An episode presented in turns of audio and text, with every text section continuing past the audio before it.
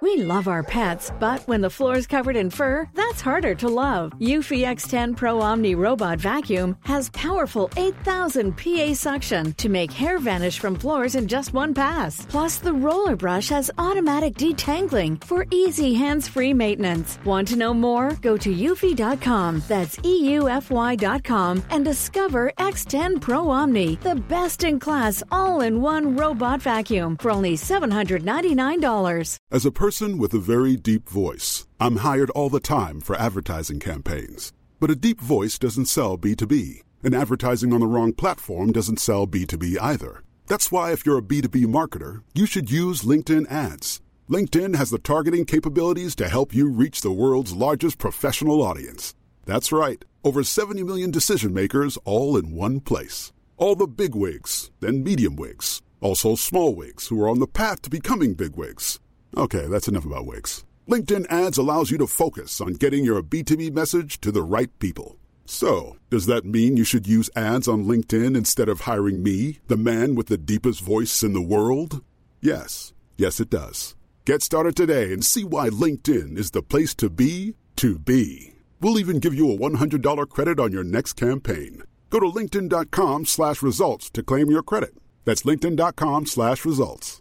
Terms and conditions apply.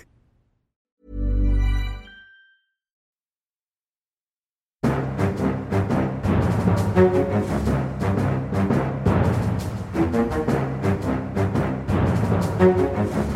setter vi i gang med en ny episode Aftenpodden USA. Kommentator Kristina Pletten, du har tatt turen til vårt studio i Oslo sentrum. Jeg får si god dag, god dag til deg.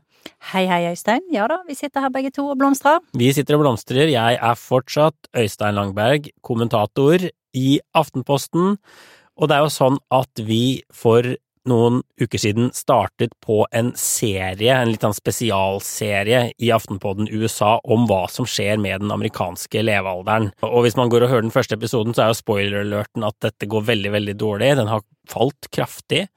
Og vi prøver jo egentlig i disse, det blir tre episoder totalt, å stille oss spørsmålet, hvorfor klarer ikke verdens mektigste land, supermakten USA, å holde sin egen befolkning i live lenger? Mm. Og første episoden handlet jo litt sånn overordna om hva som skjer, og hvorfor dødeligheten her så, er så høy i USA, eh, og vi touchet innom mange ting, eh, altså alt fra eh, selvmord, alkoholmisbruk, til trafikkulykker, til hjerte-karsykdommer, men vi nevnte også overdoser.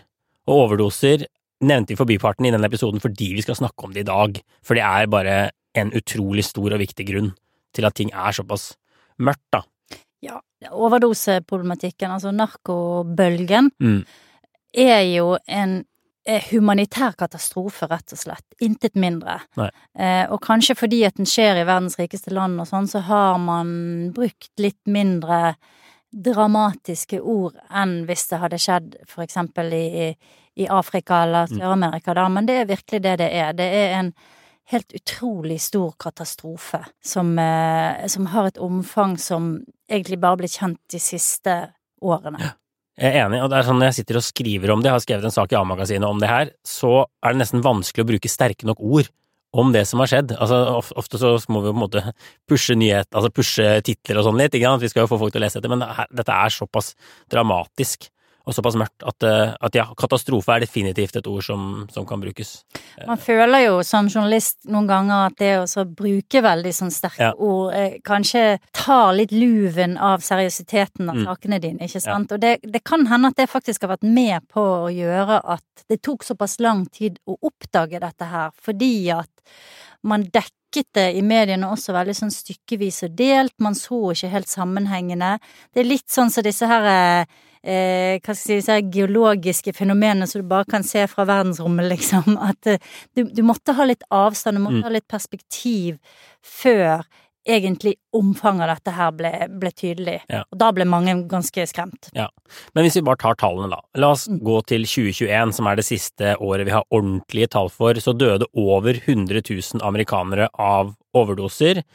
Det er litt ulike tall, men 110 000 har jeg sett. Over 110 000 ett sted. Bare, bare sånn USA er jo et stort land, dette er ekstremt mange. Altså Nå dør det flere hvert år enn de gjorde på hele 1990-tallet til sammen av overdoser i USA.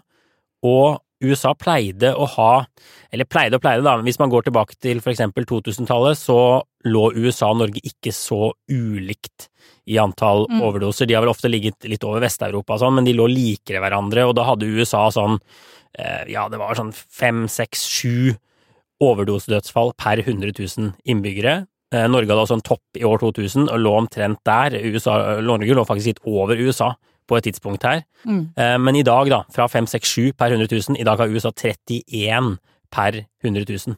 Så det er rett og slett en, sånn- en mangedobling fra de nivåene de hadde.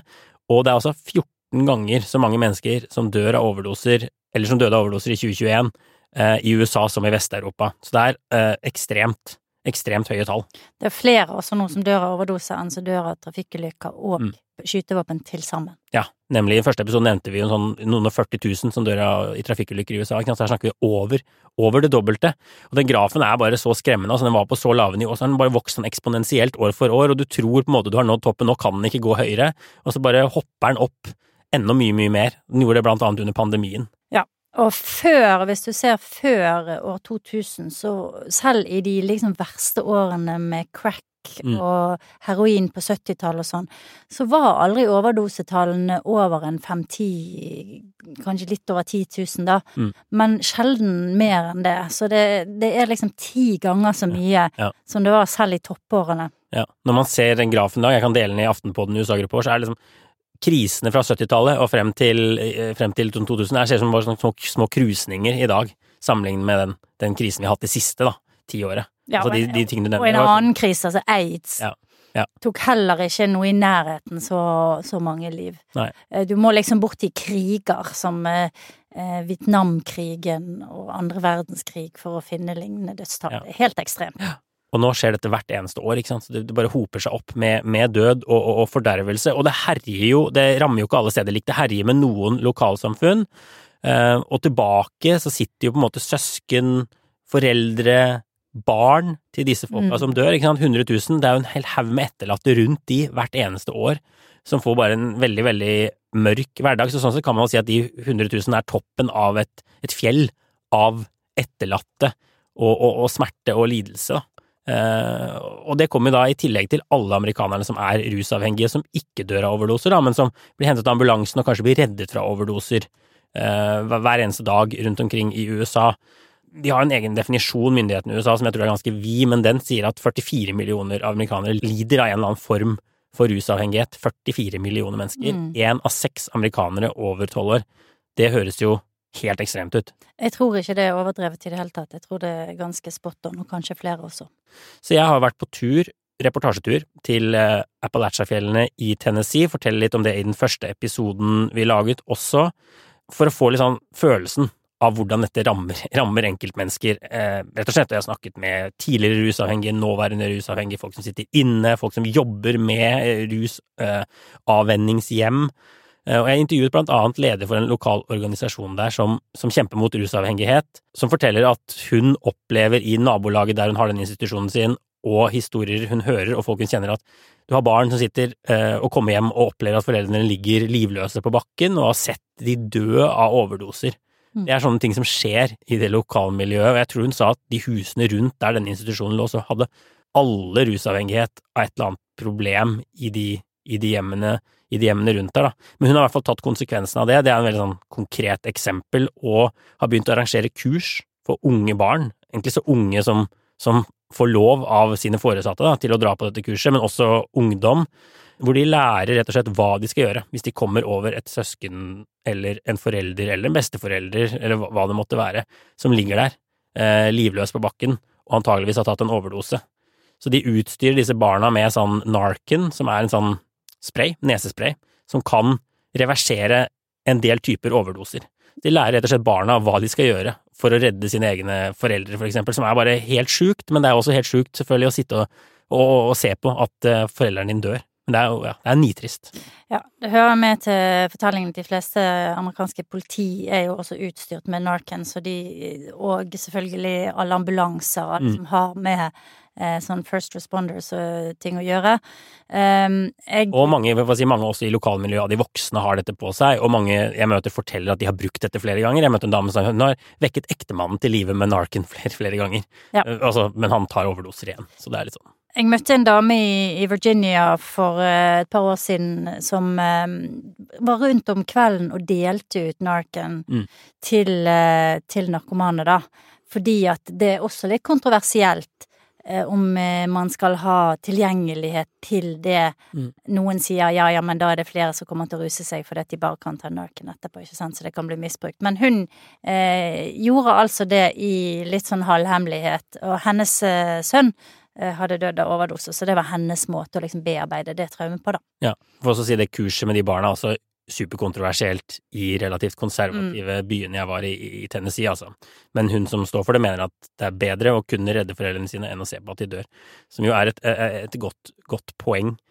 Men vi må snakke litt om hvordan USA kunne ende opp her, dette landet, eh, denne stormakten.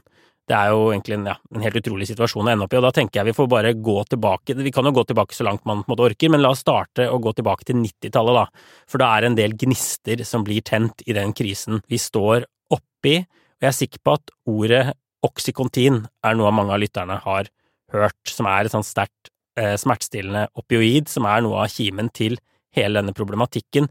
Da kom den på markedet, midt på 90-tallet, men vi får kanskje først forklare altså, hva er et opioid da, og hva er oksykontin? Eh, Opioid er en samlebetegnelse for en type eh, narkotikum Mm. som kommer fra opiumsvalmuen.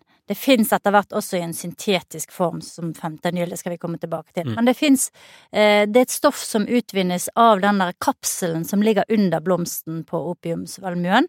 Der får du eh, gjennom forskjellige bearbeidinger, da, så kan du få alt fra morfin til heroin, kodein, som er i Paralgin forte, og noe som heter oksykodon, som er i, i i oksykontin. Så det er virkestoffene. Og de finnes i eh, mange forskjellige grader av styrke og mange forskjellige kjemiske sammensetninger, men felles for de er at de fester seg på sånne reseptorer på hjernen og gjør at eh, du blokkerer smertesignal. Mm, nemlig. Og oksykontin, som er, har oksykodon i seg, som du sier, kommer på markedet omtrent midt på 1990-tallet, og det er Purdue Pharma, et sånt legemiddelselskap, som lanserer, som lanserer disse, disse pillene. Og det har jo funnet sterke smertestillende før, men det er noe ganske spesielt med denne pillen som gjør at den blir tatt så bredt i bruk i store deler av den amerikanske befolkningen, og etter hvert får så, så mange avhengige, så du kan jo også forklare litt er det, altså, hva, hvorfor er denne pillen, pillen så spesiell sammenlignet med andre ting? For det fantes jo allerede morfin, det har jeg funnet kjempelenge, for eksempel. Det fantes morfin. Morfin ble jo eh, i stor grad brukt i, i eh, væskeform Mm. i, på sykehus for folk som var døende da, eller hadde veldig store kreftsmerter, for eksempel. Eh, Purdue, gjennom et datterselskap i Storbritannia, oppfant en pilleform av morfin som kaltes MS Contin, eh, som ble vel eh, kom ut sånn på begynnelsen av 80-tallet den har en sånn depotfunksjon, den har sånn eh, eh, et sånn glasur utenpå, Mm. som gjør at den liksom løser seg opp sakte i magen, sånn at virkestoffet kommer ut i kroppen over tid. Der er ordet kontin, som er er sånn kontinuerlig, ja, Ja, Utslipp så det var. MS Contin, og det var en medisin som var til kreftpasienter og eh, mennesker som, som var i slutten av livsfasen sin, da. Ja. Eh, så i 1996 så kom de med en ny variant, egentlig av MS Contin, som de kalte for Oxycontin, der de byttet ut morfin med oksykodon, Mm. men har samme liksom sånn eh, glasur utenpå. Og deres argument var at denne pillen eh, kan nå brukes både til det samme som, som MS Contin kunne, altså til kreft og folk som er i ferd med å dø, eh, men kan også brukes mot andre typer smerter. Og, og hovedpoenget deres var at dette er ikke eh, avhengighetsskapende fordi at den slipper eh, dette virkestoffet, altså oksykodon, Mm. ut i kroppen over en periode på tolv timer. Så hovedargumentet deres var at det ikke var avhengighetsskapende. Og før denne kom på markedet, så var det stort sett når man fikk morfi, altså når man fikk, unnskyld, når man fikk opioider Mm. mot smerter, så fikk man sånne blandingsmedikamenter som for eksempel Paragin forte er. Det er en blanding av virkestoffet i, i paracetamol Mm. eh, og kodein, som er et opioid. Eh, Men sånn, kodein er veldig, veldig veldig mye svakere enn oksykodon. Det er cirka, oksykodon er ti ganger så sterkt som eh, kodein. Mm. Det som også skjedde, var at når de lanserte dette her med brask og bram, så skjønte ikke verken leger eller de som tok pillene, hvor sterke medisiner dette egentlig var. Oksykodon er sterkere enn morfin. Mm. Det er en og en halv gang så sterkt som eh, morfin. Og det er eh, Altså, heroin er tre ganger så sterkt som morfin. Så du er liksom mellom morfin og heroin på styrkeskalaen, som er ganske ekstremt, da. Og målet, et av målene til selskapet var vel å, som du sier, folk som er på slutten av livet, og folk med, med alvorlig kreft, det er jo et ganske lite marked. De Mm. ville eh, treffe et mye større marked ved den, med denne påstanden om at dette ikke, dette er ikke så farlig, er ikke, du blir ikke så avhengig av det her, og folk trenger eh, sterke medikamenter for smertene sine. Altså, jeg vet ikke, ryggsmerter, alle mulige andre ting da, som disse så sterke smertestillende ikke hadde vært brukt på før. Og så fikk de vel egentlig med seg Legemiddelverket de fikk i hvert fall godkjenning for å skrive på disse pakkene at dette ikke var så, så avhengighetsskapende. Så de fikk jo på en måte med seg flere på denne ideen om at dette var ganske trygt og gitt til ganske mange mennesker.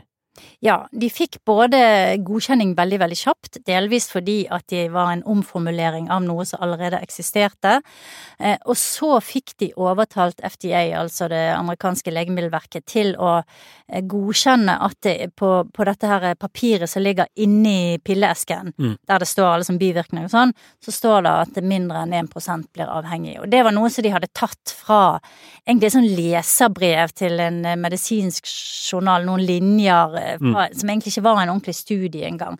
Så de brukte veldig aggressivt en slags propaganda som var delvis hentet fra eh, forskning, men som egentlig var både forskning som de hadde betalt selv, eh, og ting som de hadde vridd og vrengt på, sånn at de egentlig ikke hadde fremstilt resultatene og forskningen på en ærlig måte, da. Mm. Dette skulle de seinere bli tatt for i, Ja. i rettssystemet. Ja, for det ble jo masse kontroverser rundt dette selskapet etter hvert, Mm. over både på godkjenningen og den harde salgsvirksomheten og markedsføringen av, av disse pillene, men, men the bottom line er jo at det ikke stemte at dette ikke var avhengighetsskapende. Folk fant måter å, å ta disse pillene på som gjorde at de kunne få seg en, en skikkelig, skikkelig rus, og, og folk ble ganske kjapt hek, hekta, og brede lag av befolkningen ble kjapt hekta.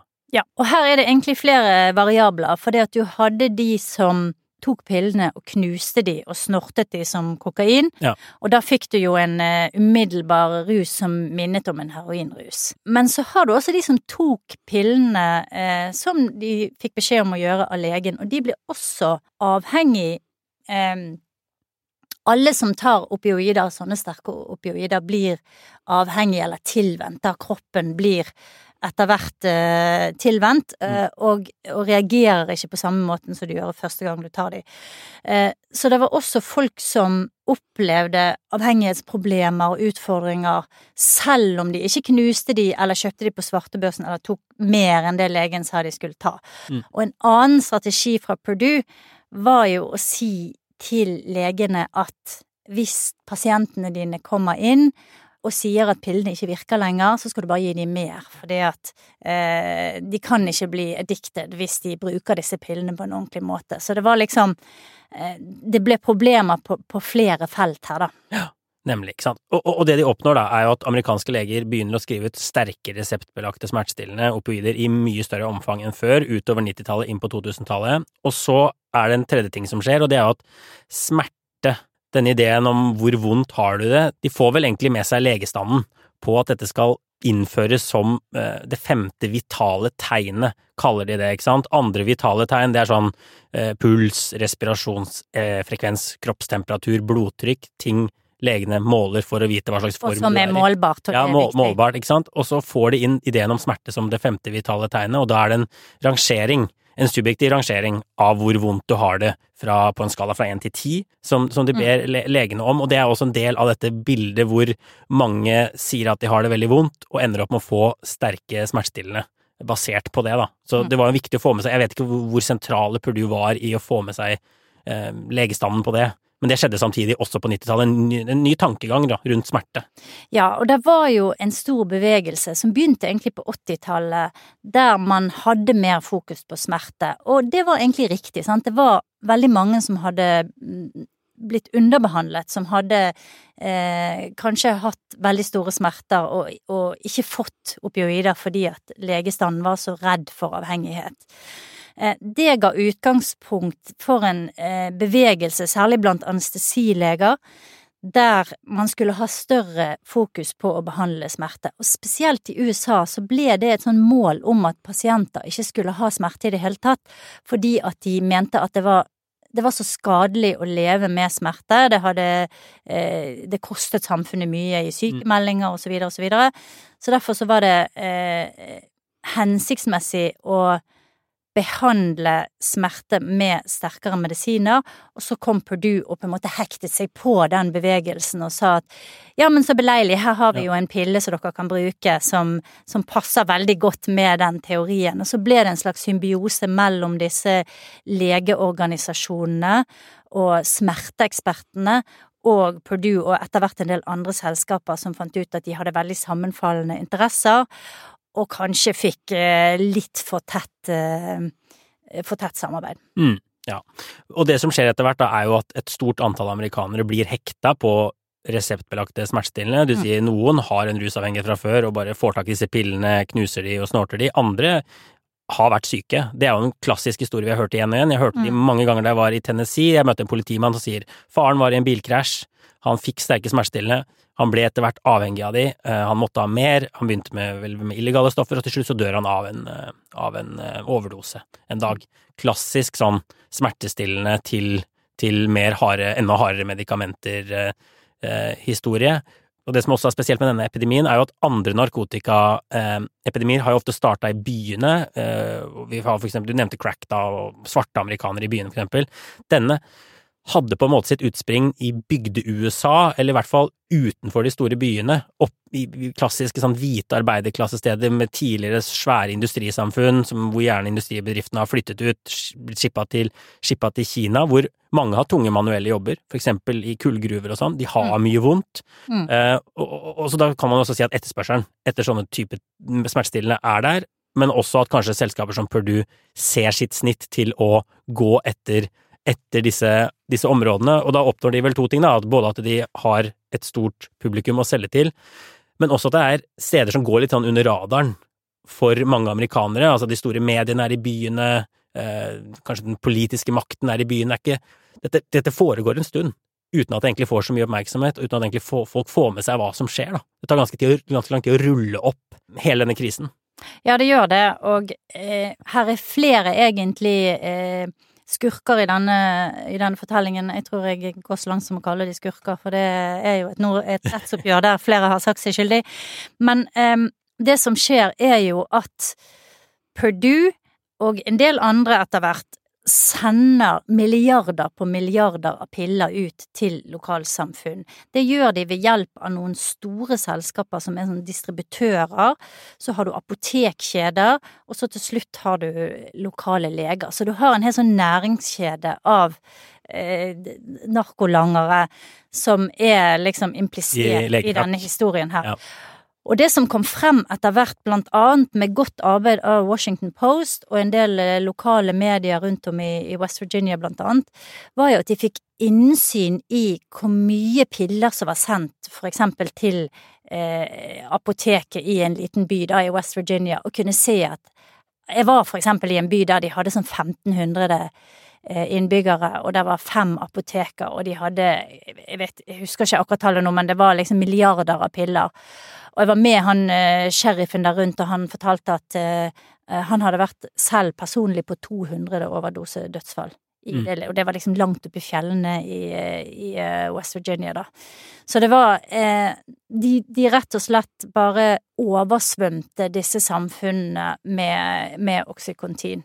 Og det er en krise som virkelig får satt seg i mange lokalsamfunn Ja. før alarmen går i, Mm. i Washington og i de store mediene og i rettssystemet og, og alle disse tingene, og man begynner å få folk, holdt folk ansvarlig og sånn.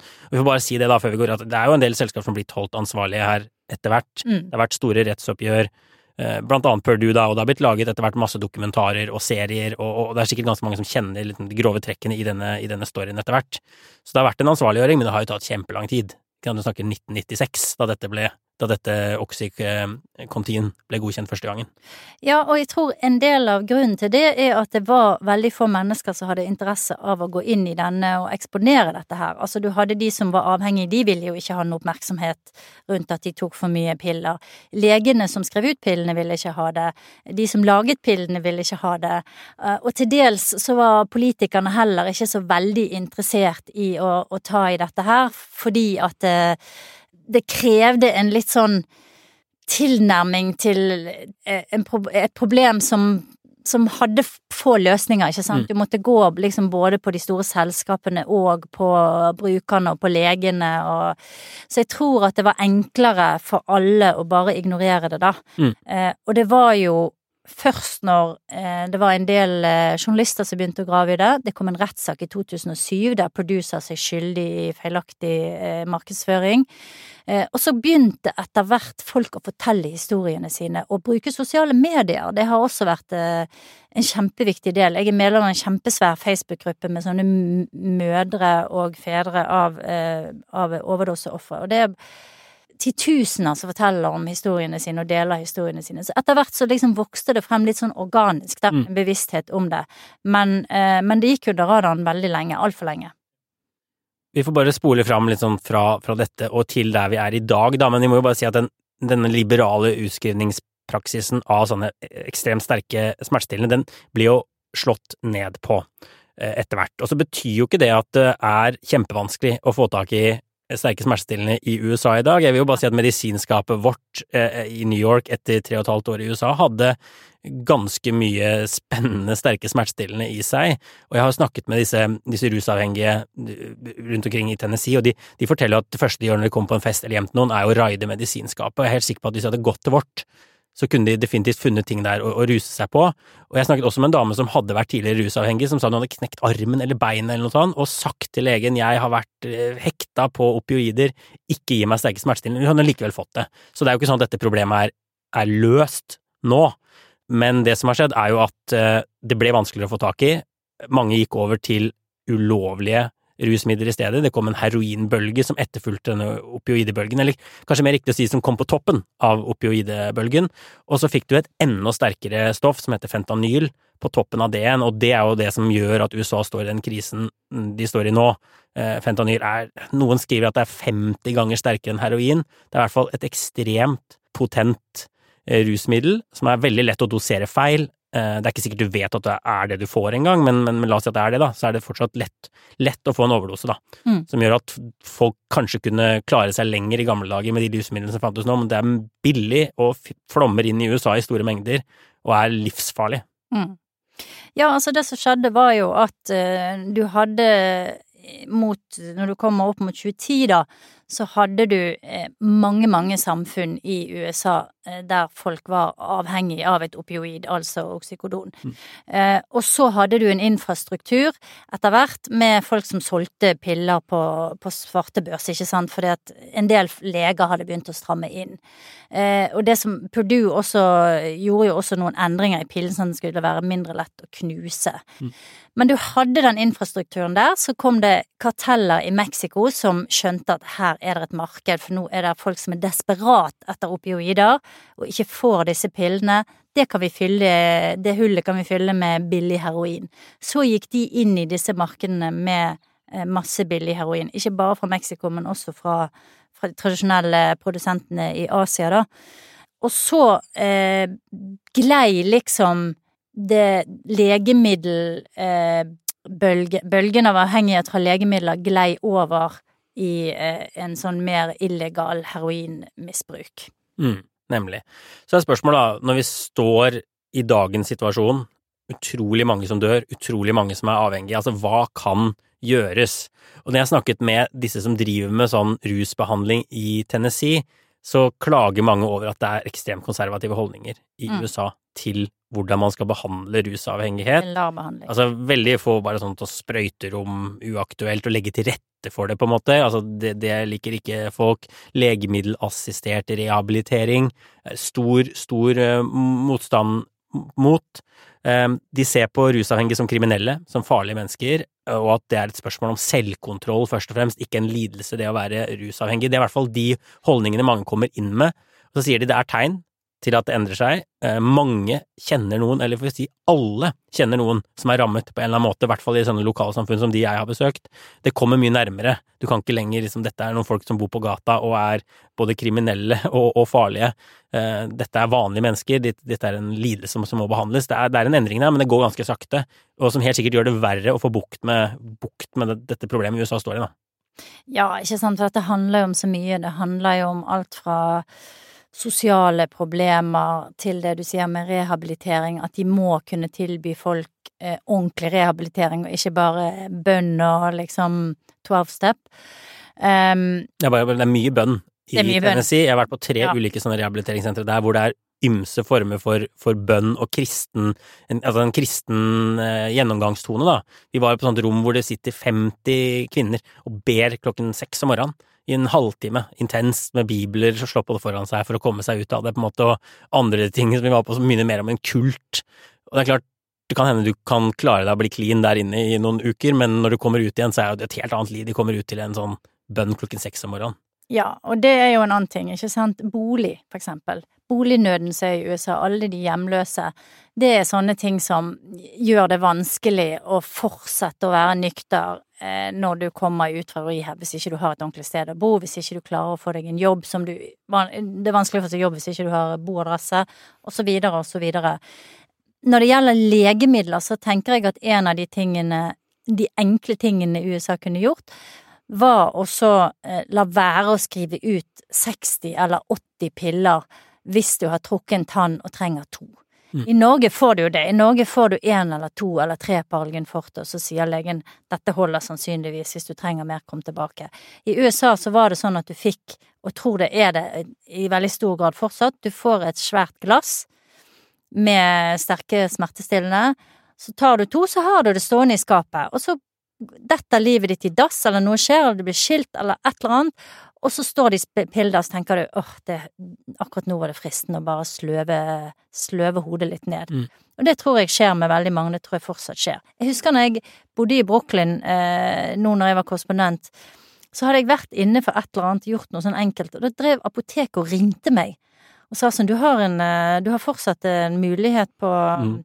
På resepten din her, vil ikke du ha litt mer piller? De ringte meg liksom en gang i uken.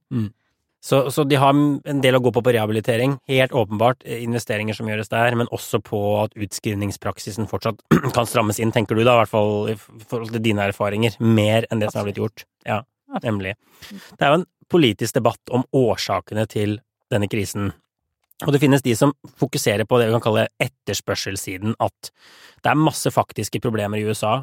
Vi var litt innom det i første episoden med altså folk har dårlig økonomi, lokalsamfunn faller fra hverandre, eh, et arbeiderklasseliv da, som har mye lavere status enn det hadde. Da jeg var i Tennessee, så var det også folk som pekte på at her har det vært hjemmebrent kultur i hundrevis av år. Folk har alltid funnet noe å døyve smerten sin med. Nå er det narkotika og ikke alkohol lenger, og da dør du mye kjappere av det, og at det er liksom sånne helt grunnleggende problemer, da, men så har du en annen side som snakker, og dette er først og fremst et tilbudsproblem, at det flommer inn med narkotika fra Kina, og først Kina, da, altså gjennom via Mexico og inn i USA, og nærmest at denne krisen kunne rammet hvem som helst i hermetegn, også andre land, hvis du bare får nok narkotika inn i landet, så får du også folk hekta, hekta på det.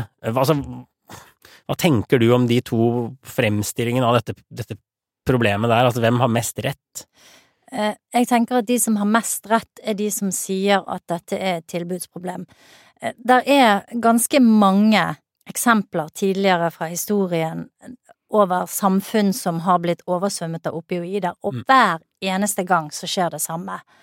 Eh, Du får masseavhengighet og massedød.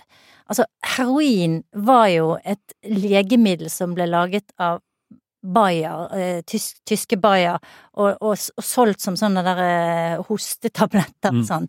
Eh, du har en tidligere, du har eh, opioidekrisen i Kina for mm. mange, mange år siden, eh, altså på 1800-tallet.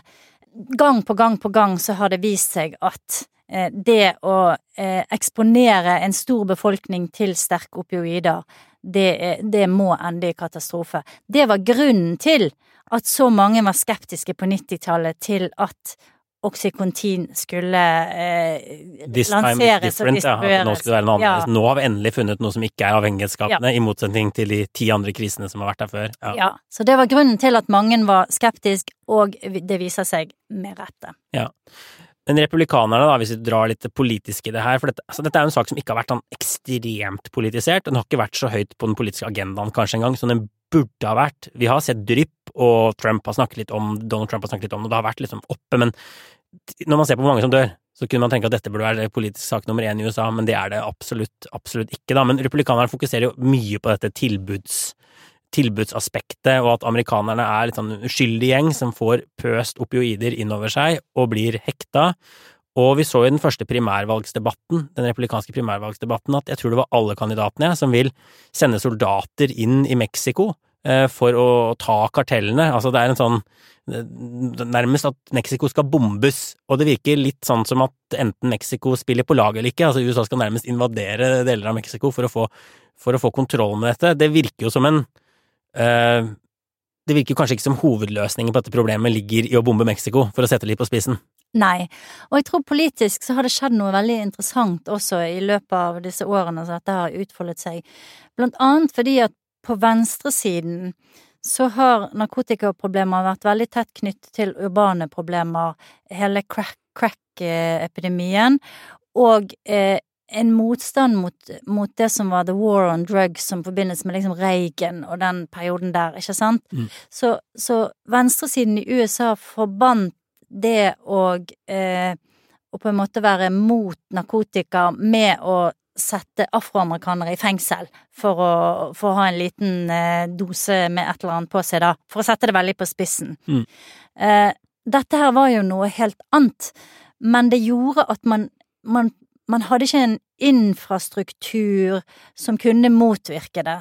Det var eh, veldig mange sterke krefter som pushet dette her, veldig få krefter som pushet imot.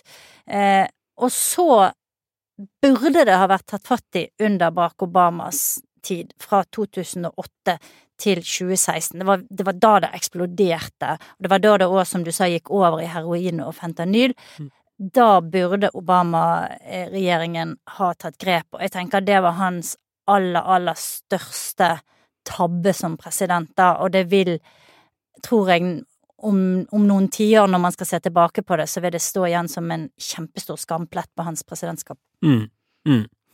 Det fremstår jo for oss som ser det litt utenfra, som en utrolig, utrolig skremmende trend. Mm. Eh, og sånn som du beskriver det, så er det sånn at det ikke i hvert fall ikke bare handler om etterspørsel og at amerikanske lokalsamfunn rakner litt, men at det også handler om at hvis dette først kommer til et land, så, så vil folk bli avhengige. Så vil folk bli hekta. Så, altså, hvor stor er faren for at dette vil ramme oss i Europa, for eksempel, i det samme omfanget vi har sett i USA? Bare, bare sånn, hvis man ser på de totale overdosetallene som vi snakket om på starten, så er det jo fortsatt sånn at det er mye lavere i Vest-Europa antall overdoser enn USA. Det er litt høyere i Norge enn det er i Vest-Europa.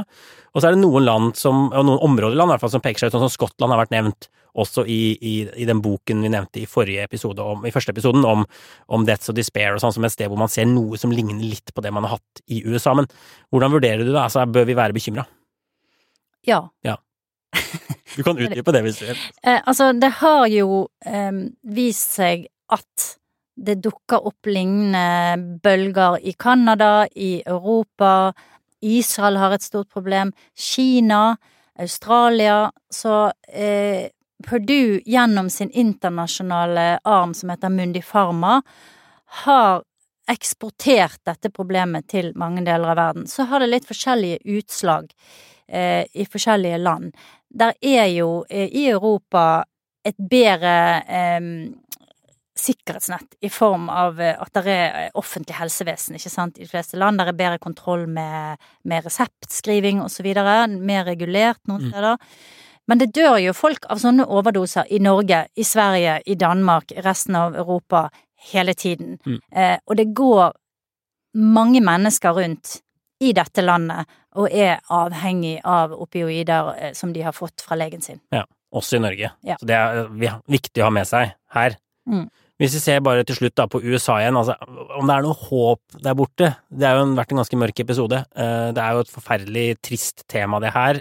Jeg var inne og kikket på disse siste overdosetallene. De har etter hvert fått på plass ganske gode, eller bedre overvåkningssystemer, da.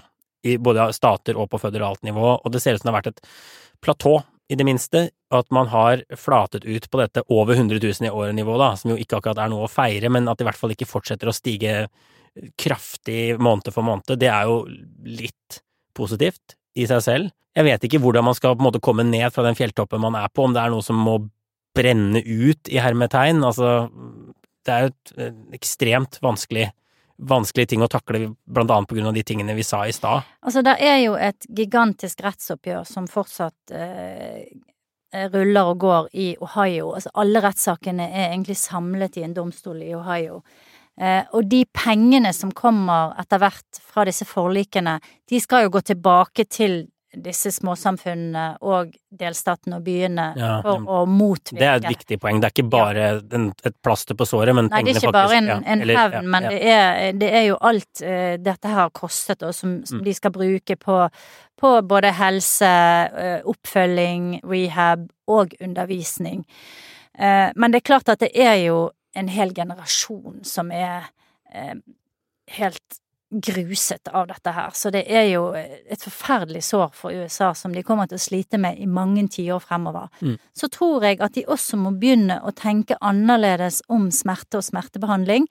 Eh, det har jo vært eh, et tema eh, som mange har prøvd å bringe på banen, både her hjemme og i USA i mange år, men det at eh, Kanskje smerte ikke bare skal behandles med medikamenter. Kanskje man må få bedre tilgang til fysioterapi, til sånn mestringsteknikker, en kombinasjon kanskje av litt svakere eh, medisiner og trening. Mange sånne ting som kan gjøre at du ikke bare blir sittende passiv og pøse i deg veldig sterk med medisin og ødelegge livet ditt. Mm, ja. Noen gode råd på slutten der. Jeg tror vi skal runde, av- denne episoden. Eh, og så er vi tilbake neste uke med en ny episode av Aftenpodden USA, og så kommer vi også etter hvert med det av del tre i denne miniserien vår om, om levealder, som skal handle om, om vold øh, og fengsler og, og skyting og den delen av det amerikanske samfunnet som også er veldig, veldig spesielt. Men inntil da får alle ha det bra. Ha det, ha det.